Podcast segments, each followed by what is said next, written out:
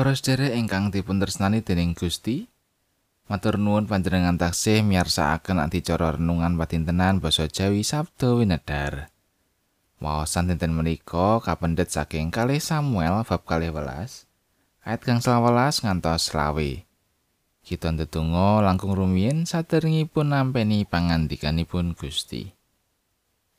Duh Gusti Allah Rama kawula ing swarga mulya. Matur nuwun Gusti, berkah paduka tansah matumpa-tumpa ing gesang kawula. Mugi Gusti ugi maringaken berkah paduka dumateng tiang-tiang ingkang nandang kasrakatan lan kekirangan amargi kawontenan gesangipun. Menapa malih emekdal pakebluk menika. Emekdal mirunggan menika kawula nyawisaken manah kawula. Saperlu nampeni sabda paduka.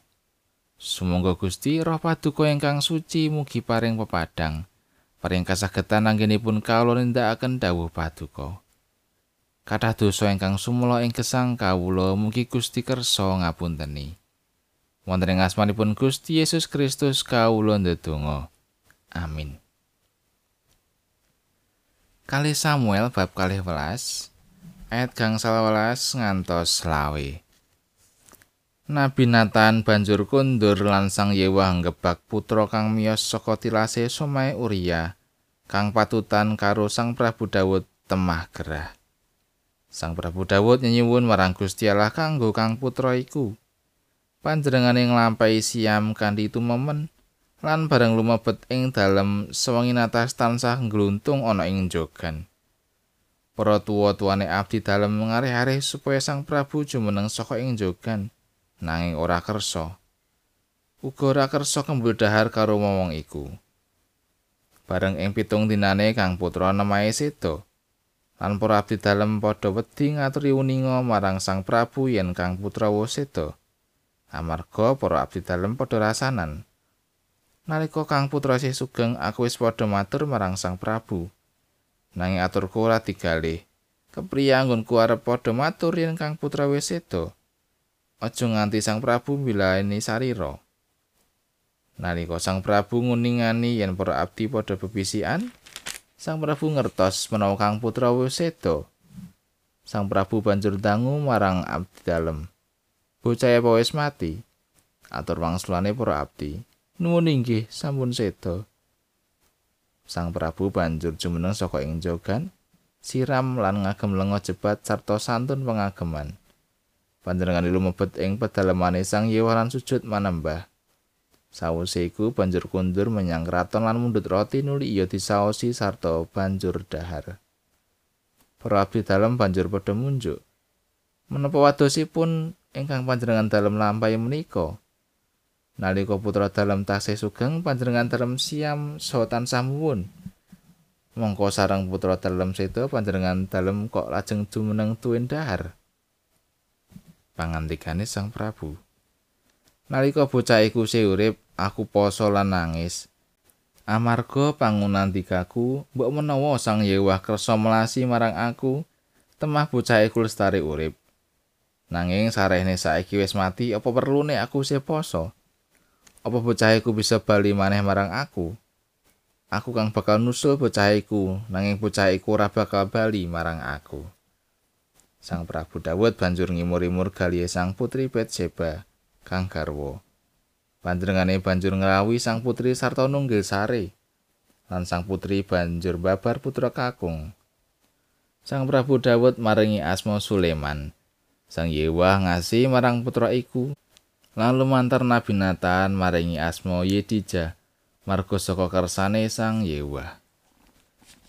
Mangkatan pangandikanipun Gusti, ayatna saking ayat kalih dosa A. Sang Prabu banjur jumeneng saka ing jogan siram lan nganggo lenga cebat sarta santun pengageman. Panjenengane lumebet ing padalemane Sang Yewah lan sujud manembah. Kaprihatosan kasadian lan ngrokro menika temtu nate karaosaken dening saben tiyang. Bak menika tuh awit kawontenan ingkang boten ranani manah lan batos kita. Kadosta katilar dening tiyang ingkang kita tresnani ing salami-laminipun. Tentu menika nuwuhaken kaprihatosan lan kasedihan. Kawontenan ingkang mekaten ugi nate dipun raosaken dening Prabu Dawud.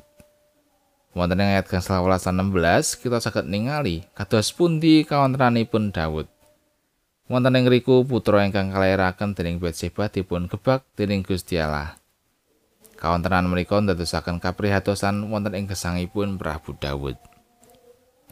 Kaprihatosanipun Prabu Daud dipun wujudaken kanthi nglampahi siam. Nyenyuwun wonten ing ngarsanipun Gusti Allah lan gluntung wonten ing jogan sedalu natas. sikap ingkang dipun wujudaken dening Prabu Daud menika nelakaken kesedihan lan keprihatosan ingkang lebet.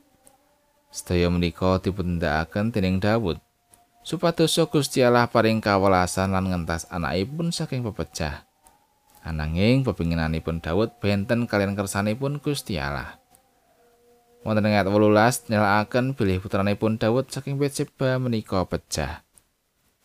mireng pawarta lan ningali obyek ing para abdinipun lajeng Daud mangertos bilih putranipun sampun kapundhut dening Gusti Allah wonten ing ngriki kita saged ningali sikap ingkang sae saking Daud sinaosa sampun kapedotan katresnan nandang kaprihatosan lan kesedihan Daud boten kedlarung-dlarung ing kawontenan menika ananging Daud saged gumregah lan jumangkah saking paseksi gesangipun Prabu Daud kita saged tau nulodo Enggal gumregah lan cumangkah. Satemah kita saged nglajengaken gesang nindakaken pakaryan so tanggung jawab tenan. Inggih wonten keluarga menapa dene wonten ing masyarakat. Amin.